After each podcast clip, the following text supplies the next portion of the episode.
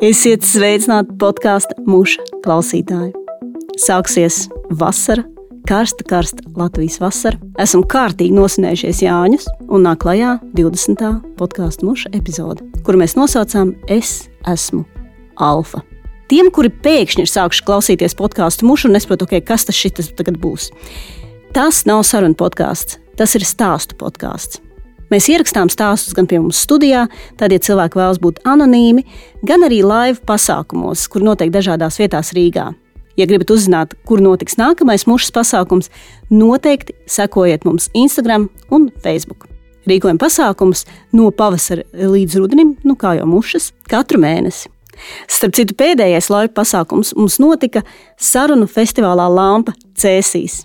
Liels paldies festivālam Lampa un ģimenes teltī un agrai Lieģei Doleško par to, ka mūs paņēmāt un visiem, visiem, kas atnāca, jūs bija ļoti, ļoti daudz. Un daudz no jums īstenībā bija tie cilvēki, kas pirmoreiz klausās podkāstu mūšu. Mums bija trīs brīnišķīgi stāsti, kurus pavisam drīz mēs arī publicēsim. Bet kur tad tie stāsti rodas? Mēs viņus gaidām no jums. Tagad ir vasara.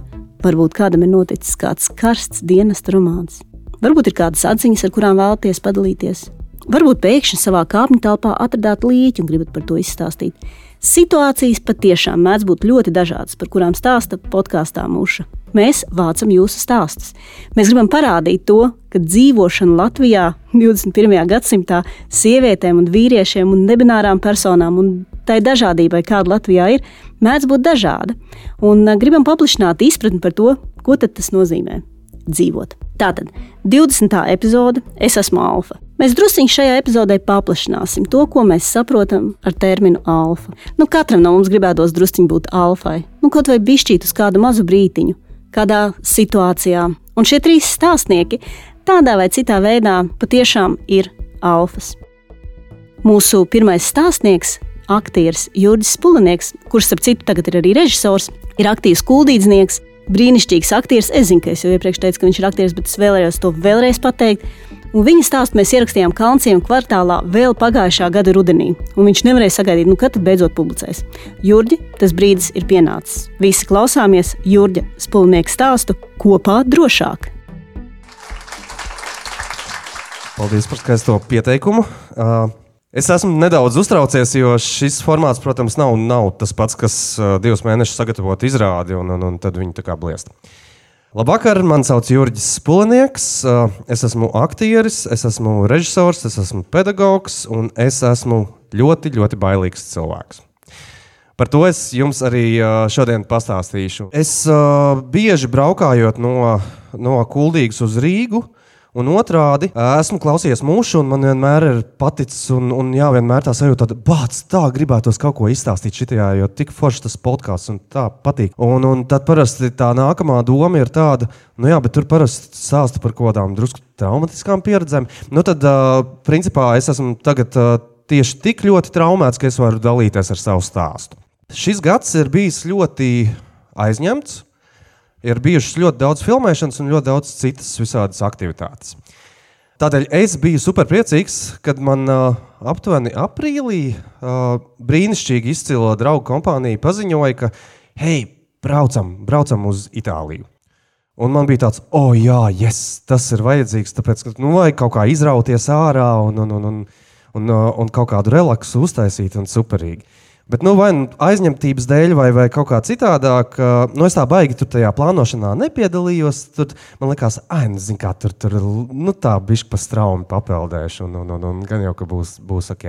Tas rezultējās ar brīnišķīgu braucienu, kurā bija saplānota gan kultūras daļa, gan arī nu, tāda daļa pie dabas. Jo pirmo dienu mēs, mēs pavadījām Venecijā un, protams, ap, apmeklējām Venecijas bienāli. Un, Un tā bija kolosāla diena. Nu, patiešām man bija tāds lepnums par, par mūsu paviljonu, cik tas ir laikmatīgs un, un, un kā tas izskatās, cik labi tas izskatās arī uz pasaules fona. Un, starp citu, ja es būtu kultūras ministrs, tad noteikti manā kabinetā tā ficuku lampa stāvētu. Viņa ir reāli forša glīta. Tur viss ir kārtībā. Un patiešām izcils. Uh, nu, izcils sniegums. Neskatoties to, ka man pašam nekad nav, nav paticis porcelāns, jo man viņš vienmēr ir asociējies ar mazām, jā, varbūt glītām, bet ne pārāk funkcionālām kaut kādām servīzēm, nu, tad šīs dāmas parādīja, ko patiešām, nu, ka šitais materiāls var tādu, tādu tik jaudīgu mēsīju nest, nu, tiešām cepuri nost, tur viss bija forši. Un tā uzsūkuši brīnišķīgu, superīgu kultūras devu. Uh, mūsu ceļojums tālāk devās uz Gardas ezeru. Mēs ceļojām četratā, četri brīnišķīgi cilvēki. Čau, Inese! Čau! Ines, Ines ir mans faktu čekers, lai, lai, lai, lai saprastu, ka es te neflētēju. Un tālāk devāmies uz Gardas ezeru. Protams, plānojot, bija viens no piedāvājumiem, ko mēs varētu darīt pie Gardas ezera. Uh, nodarboties ar kanjoningu. Uz ko es uzreiz pateicu, nē, jo tāpēc, ka, nu, es, es pat nezinu, kas tā ir par aktivitāti, bet nu, es zinu, ka, ka, ka es tur šīs ekstrēmās lietas, nu, man, man viņas galīgi nav manas. Tas nav priekš manis. Tāpēc, ka man ir iedzīts akadēmijā, ka tev ir jābūt spējīgam nākamā dienā kāpt uz skatuves, vienalga kādā, kādā stāvoklī tu esi. Līdz ar to, tāpēc, jebko, ko, kaut kur, kur es varu satraumēties, es vienmēr no tā, tā izvairos. Bet argumentācija bija tāda: paskaties, ar to var nodarboties arī uh, desmitgadīgi bērni. Nu, tā vismaz bija uh, aprakstā ierakstīts. À, nu, protams, ja desmitgadīgi bērni ar to var nodarboties, nu, pff, kāpēc tad es nevarētu nodarboties ar kanjoningu? Jo, nu, jā, izstāstīšu, kāpēc es nevaru. Tātad, vai jūs zināt, kas ir kanjonings? Nezināt. Jā, nu, jā, jo, jo principā tad, kad man teica, nu, Nu, vai taisīsim kanjoningu? Man tā kā likās, nu, labi, nu, kas tur varētu būt par etimoloģiju, tur varētu būt kaut kāds kanoja laivas. Nu, labi, nu, tā baigā sajūsmā nesmu, bet ja to dara desmitgadīgi bērni un, un, un, un Itālijā ar kanoja pa, pabraukt, jā, nu, davai, nu, forši, forši, forši. Un, un mazums, kas, un, un, un, un, un varbūt es pārvarēšu arī kaut kādus tur bailes, un būs baigi labi, un pēc tam atbraukšu vēl krutāks džeks nekā es esmu. Izrādās, ka tā tas nenotiek. Jo Kanjonings ir, jā, tu ej pa kanjonu, tur ir kalna upe, un tu lec no ūdenskritumiem. Jā, un cilvēkam ar milzīgām bailēm no augstuma to nevajag darīt.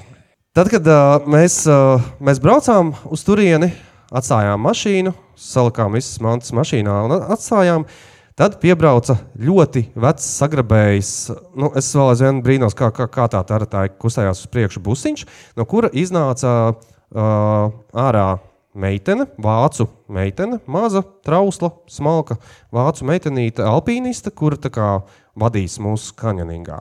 Mēs bijām septiņu cilvēku grupa, četri mēs. Uh, uh, tad bija viens puisis, ja nemaldos, no Nīderlandes, un, uh, un divas vācu kundzes labākajā vecumā, sauksim tā. Un visi smaidīgi, visi priecīgi. Uh, sākumā, protams, mēs uzvelkam hidras, tur, tur uh, uzliekam tās, tās ķiveres un visu pārējo. Un tad tādi ļoti estētiski nepievilcīgi visi mēģinām doties tur, uh, tur uz, uz to kanjonu, kur tas viss sākās. Pirmais, pirmais akcents ir, nu, tev ir ar to hidru. Uh, jāiemiecējās ūdenī, tā lai, lai tev uh, ūdens aiziet aiz hidras, jo, jo tas ir slānis, kas tev pēc tam silda. Jo, lai gan tā bija Itālija, uh, māja sākumā tur nevarētu teikt, ka bija baigi, baigi silts, un īpaši kalnu upē, kur uh, vispār bija ūdenī, bija 4 grādi. Un tā ir vēl viena lieta, kas man ļoti, ļoti nepatīk. Man, ir, nu, man nepatīk arī augstums. Es esmu ļoti liels siltummīlis, jo augstumā es kļūstu niķīgs, kašķīgs, un tur viss slikti un, un, un, un, un tā. Bet, nu, protams, protams nonākam un uh, pirmā kaskāde. Nu, elementāri, smieklīgi. Nu, tur tev tur jānošļūts vienkārši tā kā pa slitkalniņu. Un es nonāku pie pirmās kaskādes, un es saprotu, ka man ir sākusies trauksme. Milzīga trauksme. Un es saprotu, ka es to nespēju izdarīt. Lai gan tā ir diezgan elementāra lieta. Labā ziņa bija tā, ka aprakstā bija teikts, ka ir opcija arī teiksim, nedarīt šīs kaskādes un katru to elementu apiet. Uh, sliktā ziņa ir tā, ka aprakstā nebija norādīts, ka tā apiešana no, no, notiek uh, pa, pa ļoti šauru maliņu stāvot uz klints, un tas tā kā, nu, tā kā galīgi šo pasākumu vieglāku nepadara. Nu, neko. Labi, tā tad, tā tad es jau iesāku jau, jau pirmo, pirmo lietiņu ar, ar to, ka jau, jau sāku mazajai trauslajai alpīnistītei, ka nu, es to varu tur apiet. Ja? Nu, labi, viņi tur man norāda, un es tur, tur trīcēdams, drabēdams apēju. Tikmēr, protams, pār, pār, pārējā grupa tur ar smaidiem sejā, tur, tur jau, jau gaidīja jau, jau mani jau ilgāku laiku, jau lejā, viss priecīgi, forši un, un juhu, kas tur ko nenošļūkt. Jā, tas nekas, ka visu laiku manās domās bija, jā, kas tur ko nenošļūkt ar laustu mugurkaulu un, un, un paralīzi un vispārējo. Ok, nonākam tālāk.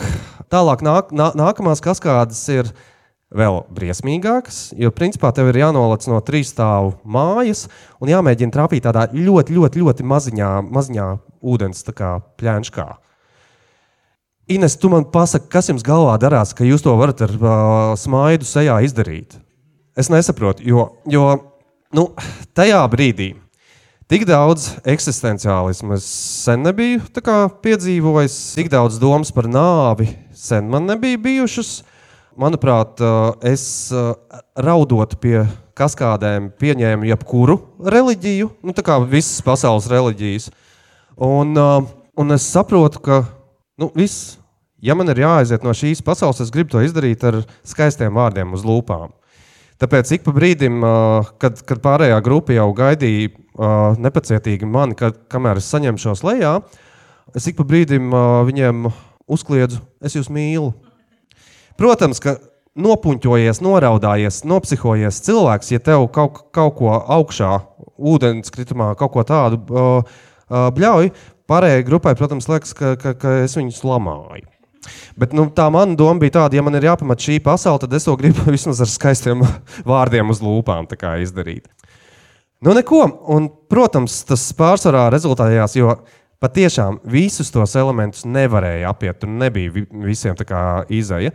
Nu, tas rezultējās ar to, ka šī mazā trauslā, bet ļoti, ļoti jaukā alpīnistīte iesēja nu, tādu nopuņķojušos, noraudājušos, nopsihojušos bērnu tādā kā liftiņā, un, un tā ar trosīti tā čuku, čuku, čuku, čuku, čuku laida mani lejā. Protams, pēc tam ar draugiem aprunājoties, uh, uh, es dzirdēju arī viņu variantu, ka, ka, ka viņi bija uh, apsvērši domu par medikopteru. Bet, jā, nu, nu, man jau paveicās, tik tālu mēs nenodzīvojāmies. Nu, ko, ik pa brīdim tā tad man čuku, čuku, čuku tur liftiņā laiž, laiž lejā. Jo acīm jāteic, ka iespējams, ka šai dāmai bija jau kāds psihotājs bijis arī iepriekšējās grupās, jo viņi diezgan labi tur pat psiholoģiski pareizi tika visu, visu galā. Īpaši man patika priekšpēdējais nu, tas, tas, tas šķērslis, kur atkal bija jāšļūts nevis jālec. Un es viņai diezgan skaļā to, tonī saku, ka lūdzu, tikai lūdzu, negrūdi mani, jo tad es nekad mūžā vairāk nevarēšu cilvēkiem uzticēties. Lūdzu, lūdzu nedara tā. Un, un es pagriežos, viņa man ir aiz, aiz muguras. Viņa saka, tu mani taču negrūdīsi. Un viņa tādā pokerfeisā, not yet. Protams, ka tas viss rezultējās ar to, ka viņi man pagrūda, un es tur tā bumbiņš nogāju lejā un, un, un, un, un, un tam līdzīgi. Pēc tam, pēc tam kad, kad, kad nonācām sauszemē, tad es, man liekas, nonstopā izpīpēju gandrīz paciņu cigarešu.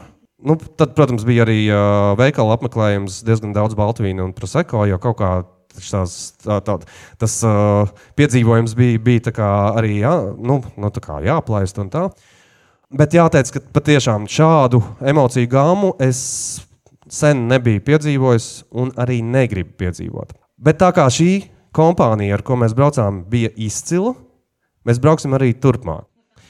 Bet tikai atšķirība būs tāda, ka pēc tam, kad mēs būsim uzsūkušies Venecijas bienāli vai, vai, vai vienalga, ko mēs tur skatīsimies, un tad, kad pienāks tas brīdis, kad jūs atkal mirdzošām acīm man pa, pateiksiet, ka, ka jāiet kaut kur lekt no kaut kāda milzīga augstuma, kaut kādā mazā, ļoti augstā uh, tad es visticamāk izvēlēšos spā procedūras vai, vai kaut ko tādu tā, tā, tā, tā, tā vietā. Jo, jo tā, tā mana atziņa ir tāda, ka man ļoti patīk kontrasti mākslā, bet uh, dzīvē man laikam viņus nevajag. Nu, ko? Tāds ir mans stāsts, un paldies, ka jūs to noklausījāties. Nu, ko īpaši sveicinu Jurģa draugiem, viņa dzīvesbiedram, kas ir kopā ar Jurģi. Viņa priekos, bēdās, bailēs un drosmes brīžos. Vai arī tev ir stāsts par to, kā tev ir bijis bail, vai par to, kā tu esi pārvarējis bailes, vai varbūt par to, kā tev nekad nesanāk pārvarēt savas bailes. Mēs šo stāstu gribam dzirdēt. Bet kamēr tu domā par savu stāstu, nulle promils no Kristiānas Štāles. Kristiāna Štāle ir kino producente, kas šobrīd strādā mārketingā un mēģina apmeklēt pēc iespējas vairāk koncertus, jo baidās no tā, ka pasaule varētu atkal apstāties. Kristiāna Štāles stāsts - nulle promils. Sveiki! Es, es esmu sagatavojusies lasīt savu stāstu. Es mēģināšu nesteigties. Es arī esmu nedaudz sanervozējusies, jo tomēr nu, bija tāda atklāšanās sanākās. Eh, un tas vienmēr ir nedaudz izaicinājums, ir īpaši eh, lielākoties svešai auditorijai. Ir 20, 20. gada marts, un visu pasauli pārņem Covid pandēmija. Mēs visi esam iesprostoti mājās. Vairs nevaram iet satikt draugus un iedzert kādu dzērienu, socializēties. Bet hei, ir risinājums - piegāde uz mājām. Tad, nu, ik nedēļu var veikt regulāro alus pasūtījumu, un pēc apdarītiem darbiem atvērt tāliņu, sazināties ar draugiem video zvanos vai turpināt skatīties kārtējo seriālu. Um, tajā pavasarī es biju tik daudz pasūtījusi labieti, ka uz Jāņiem viņi man atsūtīja dāvanu un sajūtos kā alus influencere. Uh, drīz pēc tam es atklāju, ka arī spiritiem ir tīri ērti piegādes nosacījumi, un 12 tāliņu vietā es jau sāku pasūtīt mājās viskiju, džinu un softiņus. Ko tad vēl lai dara? Visu laiku sēžot mājās un nevarot iziet ārā. Uh, es atceros, kā vēl pirms pandēmijas ar draugiem mēdzām regulāri tikties, un kad stāstīju savu ikdienu uh, draudzenei Amerikā, viņi izteica tādu frāzi, ka es baigi bieži eju iedzert. Man nešķita, ka es dzertu vairāk nekā apkārtējie cilvēki. Tas ir normāli, mēs visi esam jauni. Un taču viss tā dara, vai ne? Un, uh, es personīgi dievināju iet uz visādiem kino pasākumiem, jo, zinā, jo zināju, ka tur vienmēr būs bezmaksas viņčiks. Kur nu vēl labāk kā piedzerties bez maksas? Starp citu, arī ar džēmu mēs esam dzērušas bez maksas visādos korporatīvos pasākumos. Un bija darba dienas, nevienmēr piekdienas, kad es vēl esmu birojā, domāju par garšīgo džintoniku, ko varēšu iedzert mājās. Emocionāli es jutos briesmīgi. Trauksme bija sasniegusi jaunu līmeni, un nekas vairs nesagādāja tādu īstu prieku. Ikdiena bija diezgan pelēka, vienmuļa. Man šķita, ka this is it, šī tagad būs mana dzīve. Jo es domāju, ka ikvienam tajā pandēmijas brīdī bija kāds mirklis, kad kā likās, nu šitais nekad nebeigsies, šitā būs vienmēr. Un man likās, darbs mājas, darbs mājas, darbs mājas. Un, uh, kad augu, alkohols manā ģimenē bija diezgan ikdienišķa lieta, bet domāju, ka tā bija lielā daļā postpadomju ģimeņu. Kāzās jādzer, bērēs jādzer, kristībās jādzer, pēc uh, pārdzīvojumiem jādzer, vārdadienas un dzimšanas dienas taču arī svētki, tā tad jādzer. Uh, kad es biju maza, es teicu, ka es nekad, nekad nelietošu alkoholu. Lieka piebilst, ka nekad nesaka nekad, un es pat neatceros, kad pirmo reizi draugu balītē sāk parādīties citriņu un aliņu. Tas visticamāk bija ap 13, 14 gadiem. Bet nu nav jau tā, ka mēs katru reizi piedzērāmies. Tā vienkārši bija ļoti ikdienišķa tusiņu sastāvdaļa. Hokejs bez zāles ir daļslidošana. Un ar klasbiedriem pasaules čempionātu mēs skatījāmies jau 8. klasē. Es atceros, ka 12. klasē es kaut kur izlasīju, ka alkohols pilnībā pameta organismu 21 dienā. Un tad es nolēmu, ka mēnesi nelietošu alkoholu. Tas bija vēl pirms man bija 18. Paskriesim laikam nedaudz uz priekšu, jo skaidrs, ka studijas bez balītēm ar dzērieniem nav iedomājams. Kaut kā taču ir jāiepazīstas ar jauniem kursbiedriem, kaut kā taču tie džeki ir jāsakoļ, un kas vēl labāk atbrīvo un atslābina, kā sociālais lubrikants - alkohols. Um, 1. oktobrī šogad man palika 30. Un uh, pirms gada, dažas dienas pēc savas 29. dzimšanas dienas, kārtējā naktī, kad es nevarēju aizmigt, es sāku domāt par to, kur vēlos būt, kad man paliks 30 kā es vēlos justies, kā es vēlos izskatīties un kur atrasties fiziski un mentāli. Un pirmā lieta, ko es uzreiz sapratu, ir, ka, lai nonāktu tur, kur vēlos, man ir pilnībā jāpārtrauc lietot alkohols. Es tādā ziņā varu būt diezgan strikta, vai nu viss, vai neko. Es neuzskatu, ka man vajadzētu sev atļaut lietot alkoholu tikai brīvdienās. Nu, kam man tas vispār ir vajadzīgs? Ja man sev kaut kas ir jāatļauj vai jāierobežo. Tas tā kā ēdam čipsus tikai nedēļas nogalēs. Un tā. Uh, tad man tas nav vajadzīgs vispār. Un arī šodien, 386 dienas vēlāk, es uzskatu, ka tas bija ļoti labs lēmums. Man daudz ir prasījuši, cik ilgi es šo darīšu, uz ko es vienmēr saku, ka nezinu, šobrīd neplānoju atsākt. Dažas dienas atpakaļ bija gan ļoti grūta diena darbā, un mājās braucot sapņoju par viņčiku, jo emocionāli jutos tik satraukta, ka gribējās tās sajūtas nomutēt. Es negribēju justies tā, kā jutos. Un tas ir tas, ko dara alkohols. Tas mūs apslāpē emocionāli un atbrīvo fiziski. Uh, vīna vietā izvēlējos Hot Girls Walk for My Stupid Mental Health. Tie, kas skatās TikTok, zinās, par ko es runāju. Uh, tas bija labs lēmums. Kādu stundu pastaigāju, apdomāju savas sajūtas, sakārtoju domas un nomierinājos. Jau 386 dienas es nelietoju alkoholu. It kā tam varētu nepievērst tik lielu uzmanību, bet mani nomierina skaitļi. Man ir fitbits, es sekoju miegam, un sekoju soļiem, un jūtos labi un priecīga par šiem cipariem. Un uh, par šīm 386 dienām daži teikt, o, kāds tu malacis. Daži teikt, es vispār arī ļoti reti dzeru. Vēl daži uzreiz prasīt, vai man bija kāds problēmas. Vienojošais ir tas, ka mēs kā sabiedrība kopumā ļoti labi apzināmies, ka alkohola lietošana kaitē mūsu veselībai. Priekā par to, uh, bet tajā pašā laikā tik daudz kā Latvijā attīstīties valstīs nedzer nekur. Uh, Latvijā starp OECD valstīm ir absolūti augstākais alkohola patēriņš uz vienu iedzīvotāju. Un 2019. gadā viens Latvijas iedzīvotājs izdzēra 12,9 litrus. Nākamajā, nākamā valsts ar augstāku alkohola patēriņu ir Čehi, Čehija. Un uh, nevar nepieminēt mūsu kaimiņus, jo vienmēr ir jāpasaka, kā iet lietuviešiem un igauniem. Lietuvieši ir 6. vietā, igauni 14. Un, uh, bet nu, jāpiebilst, ka igauni gan pērk alkoholu pie mums. Tā kā varbūt tur tā statistika viņiem nav tik pareiza. Un šis ir pirms pandēmijas, šis ir 2019. gads. Tas ir pēc pirms laika, kad mēs visi nekautrējoties dalījāmies ar to, kā mājās dzeram. Uh, turklāt Latvija ir viena no retajām valstīm, kurā kopš 2009. gada alkohola patēriņš ir audzis. Desmit gadu laikā Latvija no topa vidus nokļuva augšgalā. Un šī nav manis izdomāta statistika, bet gan sabiedrisko mēdīju pētījuma dati.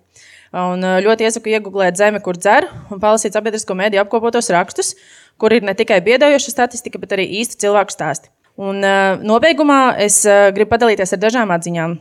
Un, viena no tādām ir tāda, ka alkohols tiek šausmīgi romantizēts un glorificēts. Kad izslēdz to no savas ikdienas, es pamanīju, cik daudz draugu un paziņas tuvā un tālā lokā tu pārtērē. Aizvien biežāk ievēroju, ka Wine Moms katru piekdienu publicē skaistas bildes storijos ar smuku glāzi rokās. Oh, beidzot, piekdienā! Un tā ir redzamā daļa. Neviens nedalās ar saviem paģiru selfijiem pēc tam, kad glāze vīna ir beigusies ar tukšu pudeli vienā vakarā. Pirms pāris nedēļām es un citi Volt lietotāji saņēma e-pastiņu, ko es vienkārši gribu izlasīt, jo man likās fantastisks. E-pasta nosaukums - subjekts Katra diena ir svētki. Tagad arī alkohola piegāde. Volt priekš tevis ir dažas aizraujošas ziņas. Dzīve ir pārāk īsa. Mūsu galvenais mērķis ir palīdzēt tev no tās gūt maksimālu labumu.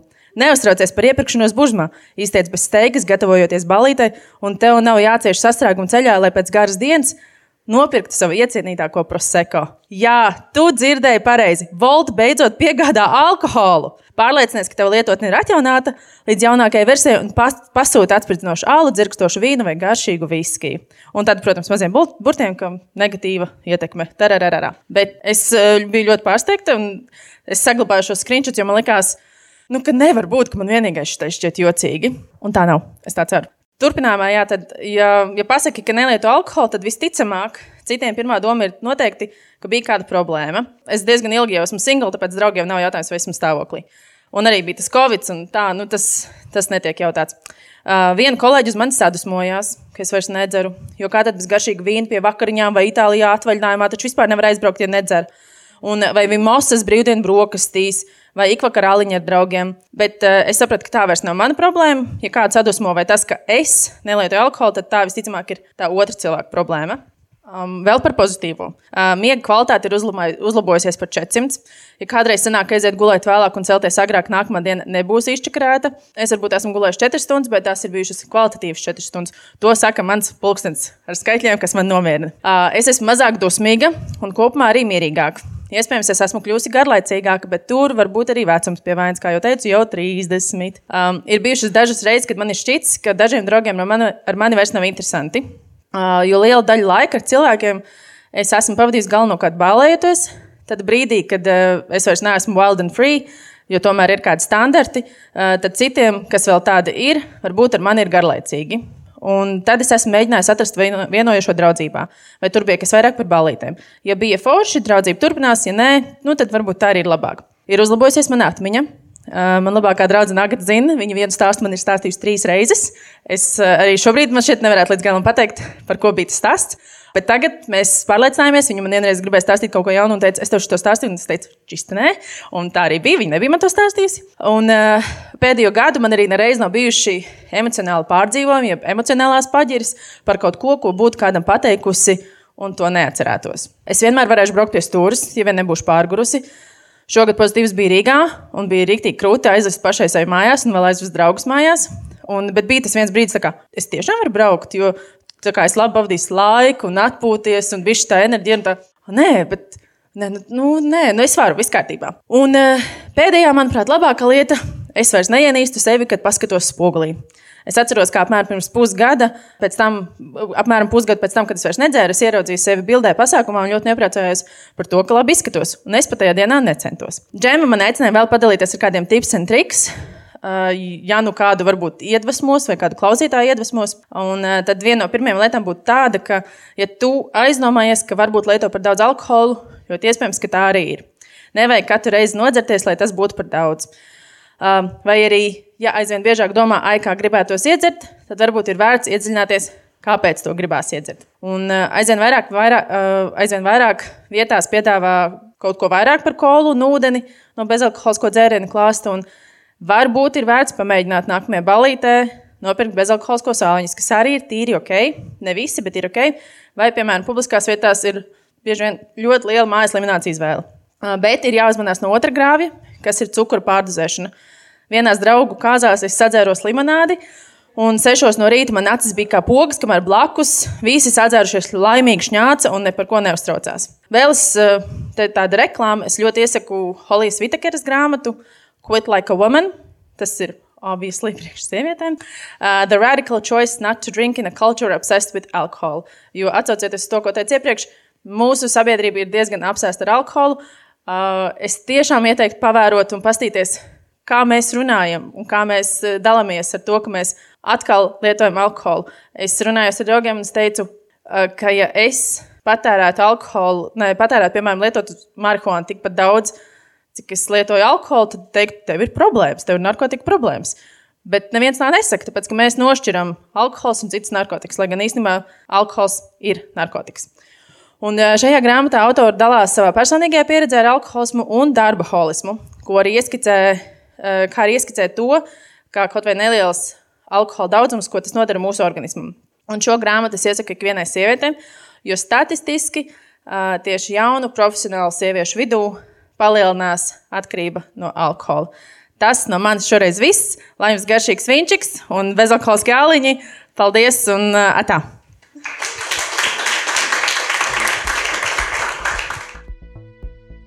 Paldies, Kristian, ka dalījies savā stāstā. Man jāatzīst, ka es arī kādu laiku atpakaļ izlasīju grāmatu Quit Like a Woman. Viņa man diezgan spēcīgi ietekmēja. Un, uh, iespējams, tādēļ, ka mans internets un mans telefons zina, ka es šo grāmatu esmu izlasījis, es saņemu arī ļoti daudz reklāmu ar bezalkoholisko alkoholu. Un šogad uz brīvības ielas pat bija milzīga bezalkoholiskā džina reklāma. Nezinu, man liekas, ka ir diezgan simboliski, ka mēs ieliekam šo stāstu tieši jūnija mēnesī.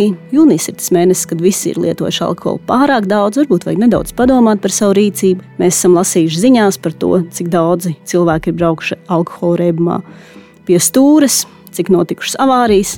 Tā kā nu, nav tā, ka es šausmīgi džadžoju, bet druskuļi džadžoju. Ja? Atcerieties, nu, alkohola lietošanai tomēr ir negatīva ietekme. Mūsu trešais stāstnieks ir Latvijas gada komiķis. Nu, neskatoties to, ka viņš ir tāds svarīgs personāžs kā Latvijas gada komiķis, mēdī tomēr nu, nekādi nespēja viņa vārdu un uzvārdu uzrakstīt pareizi. Dažreiz viņu sauc par Kalvi Trosku, dažreiz par Kārli Trošku. Nu, kā nu kuru reizi? Nu, es mēģināšu Kalvi nosaukt tavu vārdu un uzvārdu pareizi. Jo tu esi superīgs cilvēks, komiķis, un es esmu ļoti priecīga, ka tu atnāci mušā izstāstīt savu stāstu. Dāmas un cilvēki, Kalvis Troska un stāsts man nav jūtu.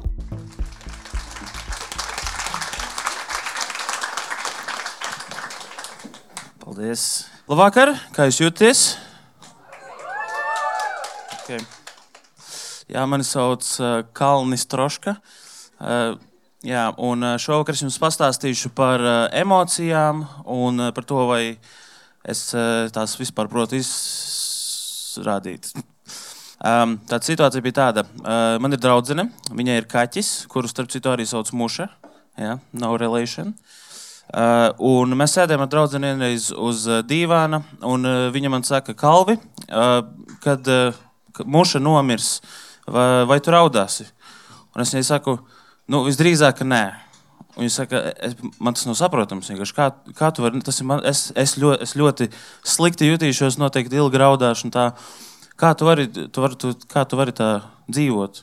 Un es sāku domāt, varbūt tiešām tas ir slikti, ka, ka es neraudāšu. Varbūt es tiešām esmu bezjūtīgs. Bet es sāku draudzenei stāstīt, es, es neesmu bezjūtīgs, es vienkārši esmu no laukiem. Jā. Jā. Un uh, laukos dzīvojot vienkārši.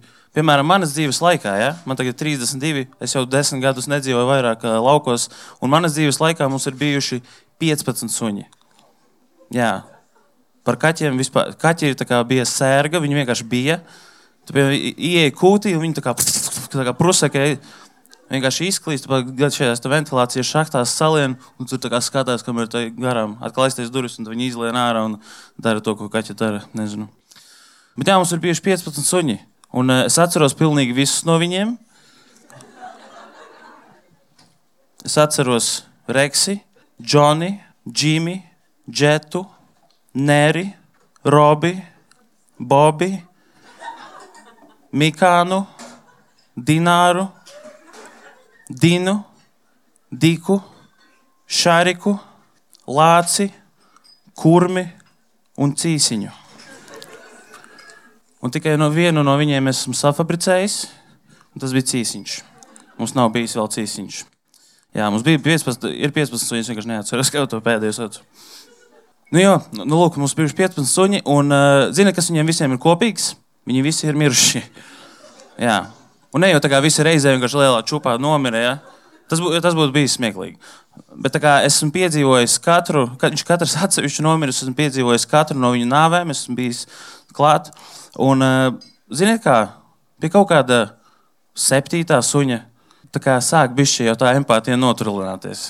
Man kaut kā asaras jau izžuva nevar, nevar konstanti raudāt. Kā, ak, nē, vēl viens suns nomira. Tagad tā kā, nu, mīnus viens suns. Jā. Un uh, tad saprotu, ka to, ka dzīvojot laukos, saprotu, ka um, nāve ir dzīves sastāvdaļa.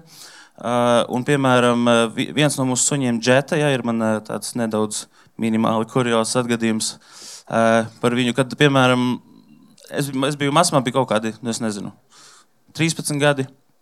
Un uh, iegāja mums verandā laukos, un verandā sēdēja vectēvs, sēdēja vienkārši uz krēsla, skatījās ārā, tālu, vienkārši skatījās kā novērošanas kamera pagalmam. Skatījās, un viņam bija spieķis, un viņš tā kā saka, Kalu, kas tur suns, džeta guļ zemē, viņš uz spieķi viņu baksta tā, kas, tā, kas, ir, kas ir viņu? Es paskatos uz džetu, un viņai vienkārši mušas ap moti lido. Viņa jau kādu laiku vienkārši tur gulējusi, beigta. Un es tā, nu, viņa ir beigta. Es skrienu pie tēta, tēti, džeta nomira. Un tēvs tāds, nu, kur ir lāpsta, iekrauj džipā un aizbrauc pie priedēm, aprots. Es tā, oh, ok. Tas arī darīju. Es paņēmu lāpstu, iekrāvu džetu, džetu mūsu pikapā, aiztaisīju bortu, kāpu pie, pie stūres un braucu pie priedēm. Un es braucu pa ceļam, un es domāju par to, ka es neraudāju tajā brīdī. Un es domāju, vai tiešām šis ir tas suns, pie kuras es kur tā kā vairs man tas eh, aiz manām stīgām nerausta. Es vienkārši braucu un domāju, vai tas ir normāli, vai tā vajadzētu būt, vai manā vecumā tiešām nevajadzētu. Varbūt, varbūt man tiešām, es neesmu normāls, kaut kas nav ar mani kārtībā, viss ir slikti, dzīve ir pašsaprotat, kas. Es aizbraucu līdz galam, izkāpu ārā no mašīnas, aizēju aizmugurē uz džipu, borts ir vaļā, džeta ir izbirusi. Tas var izklausīties traģiski, jā? Ja? Bet tajā brīdī nu, es nevarēju nesmieties. Vienkārši, es vienkārši domāju, nu, blēd, tiešām. Es papisu suni vienkārši pa ceļam. Kad aiztaisīju bortu, braucu meklēt viņu. Bet viss beidzās veiksmīgi. Es to suni apraku. Es viņu atradu un apraku ar otro piegājienu. Um, jā, tāds vēl viena vēl vien tāda um, vieta, kur ļoti novērojams ir, novērojams ir tas, ka um, nāve ir dzīves sastāvdaļa, ir medības. Un esmu ļoti daudz gājis medībās. Un uh, medībās ziniet, kā vienkārši ļoti uzskatām, var redzēt, ka piemēram, ir dzīvnieks, viņu nošāva, viņš beigts, viņu pēc tam sadala gabalos. Tas ļoti, varbūt dažiem jau tas liekas pārāk traki. Bet uh, ir bijuši pāris gadījumi uh, no medībām, kur, kur, kur ir diezgan teiksim, smagi, kur viss nenoritēja tik gludi un ātri, kā, kā vajadzētu, lai tas būtu viss normāli izdarīts. Un ir, ir tādi daži, kuri, par kuriem es pat negribētu runāt īsti, bet, viens no tādiem, kurus es varētu izstāstīt, kas kaut kādā veidā atstāja, vismaz man likās, ka vajadzētu atstāt kaut kādas sekas uz mani, ir Es biju medībās, un ir medībās tā, ir dzinēji un ir mednieki. Mednieki stāv tā kā līnijā ar ieročiem, dzinēji iet vienkārši mežam otrā pusē, bļaudami iet virsū medniekiem, dzen dzīvniekus uz medniekiem, mednieki nošauj dzīvniekus, visi ir pāēduši. Sākam dzert. Bet, nu, lūk, šajās medībās bija tā, ka es biju viens no dzinējiem, un uh, mēs tā kā pabeidzām dzīt to mastu. Masts ir tas, ko nav svarīgi. Un uh, meža cūka bija sašauta, Un viņi skrēja mūsu virzienā pie dzinējiem, kur mēs bija, kā, bijām sapulcējušies. Un, uh, viņa atskrien un var redzēt, ka viņa ir ievainota. Bet uh, mēs viņu kaut kā nostājamies aplī, viņa tur stāv, mēs viņu kaut kā notveram, un viņu vajadzētu, redzēt, ka viņa ir ievainota. Tad viņu vajag piebeigt, ja? kūpda grāvu uztaisīt, lai, uh, lai, lai beidzas viņa mocības. Uh, bet viens no dzinējiem, tur dzinēja, ir vecums, ir, nu, cik man bija kaut kāda arī, nezinu, 14 gadi. Uh, Uh, visi dzinēji bija apmēram manā vecumā, varbūt dažus gadus vecāki. Un viens no tiem dzinējiem, kamēr pārējie turēja to cūku, gāja ar mačeti klāt viņai un uh, mēģināja, ja viņš gribēja kaut ko labi izdarīt, viņš ar mačeti viņai pa skaustu, šeit pa kaklu uh, cirta.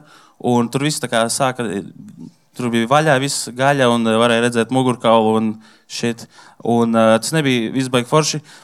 Tad tā meža sūka nokrita zemē, Un tad visiem tāds, ah, nu viņa nekur neskrien. Tu vienkārši sāka visu izklīst. Un es saku, bet viņa vēl elpo.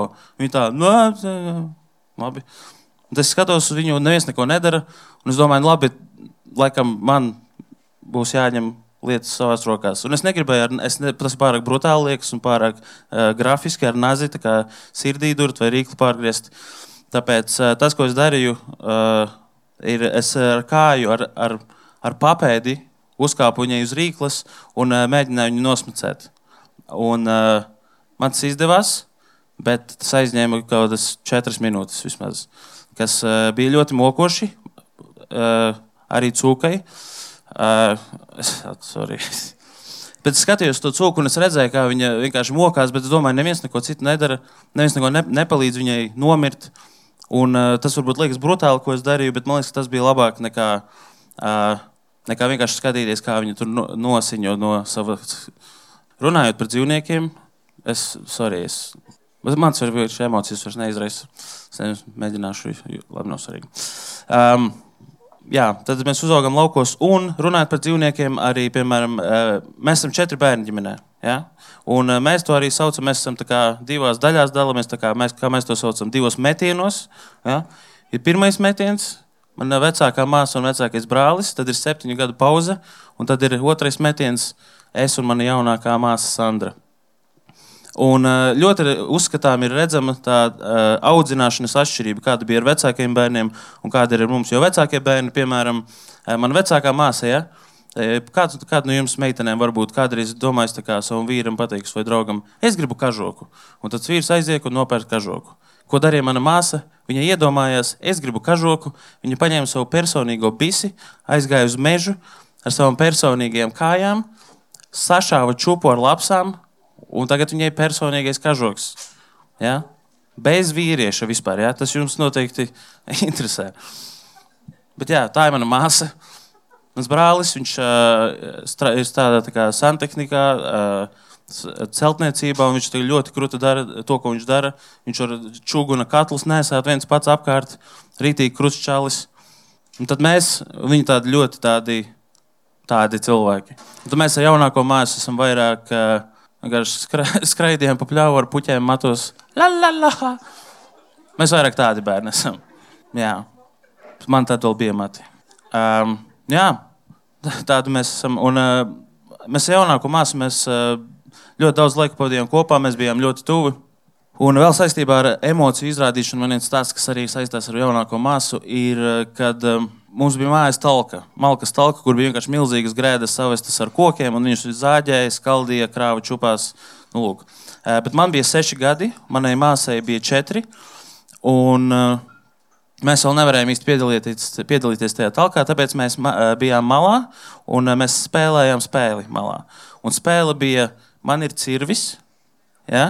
un priekšā ir liels bluķis, un otrais spēlētājs, mazā māsa, liek uz bluķa alus korķīšus, kas, protams, ir pie bīstamiem instrumentiem vienmēr alus korķīšu mētājs. Noliek alus korķīti, un es cirvi viņu pārcertu. Fantāms stundām vienkārši. Viņu uzliek korķīti, es pārcērtu, uzliek korķīti, es pārcērtu. Diezgan vienkārši izklausās. Bet mana māsa vienā brīdī, viņa kā vienā no raundiem, saukšu to tā, ja, uzliek korķīti, es atvēzējos, viņa tā kā aizina, ko vispār nē.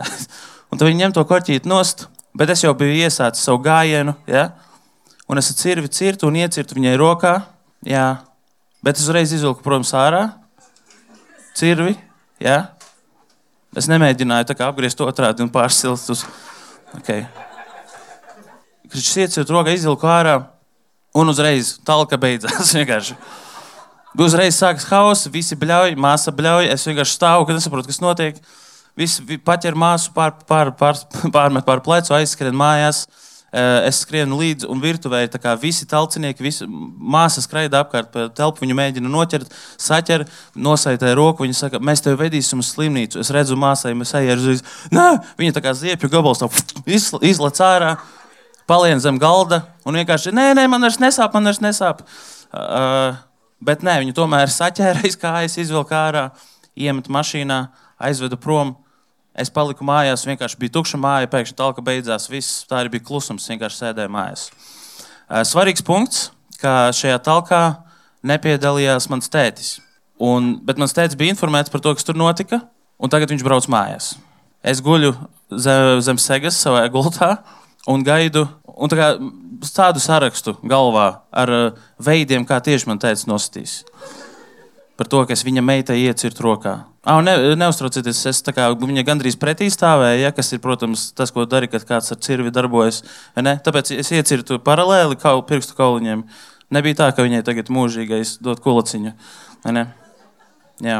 Un es guļu gultā, gaidu tēti. Tas neizklausās pareizi. Es guļu. Sa... Krišs, es sapratu. Nu, lūk, un uh, es gaidu tēti, un es dzirdu, kā tētis piebrauc. Es jau domāju, ok, varu apakstu, varbūt viņš man vienkārši galvu noskrūvēs. Es dzirdu, ka viņš nāk augšā pa trepēm, ienāk manā istabā, noceļ no manis segu, apsēdi, apsēdies gultā. Viņš skatās uz mani un saka, ejam. Es domāju, ah, nu, ja, protams, kāpēc lai smērētu šeit visu ar manām asinīm? Viņš man nositīs pagalmā vienkārši, lai var ar, ar šļūteni noskalot vienkārši. Mēs noejam lejā, aizējam verandā, stāvam turpat, kur mans vectēvs skatījās pa logu un džetai sapratētu. Un tad mans tēvs vienkārši stāv, skatās ārā pa logu tālumā, neko nesaka. Es stāvu blakus un es domāju, nu, reaģē kaut kā. Viņš vienkārši stāv un skatās un klusē. Es saku, nu, lūdzu, iesit man, lai esmu normāls. Pasaki kaut ko. Nē, viņš vienkārši stāvēja, uzlika man roku uz pleca, un tā arī neko nepateica.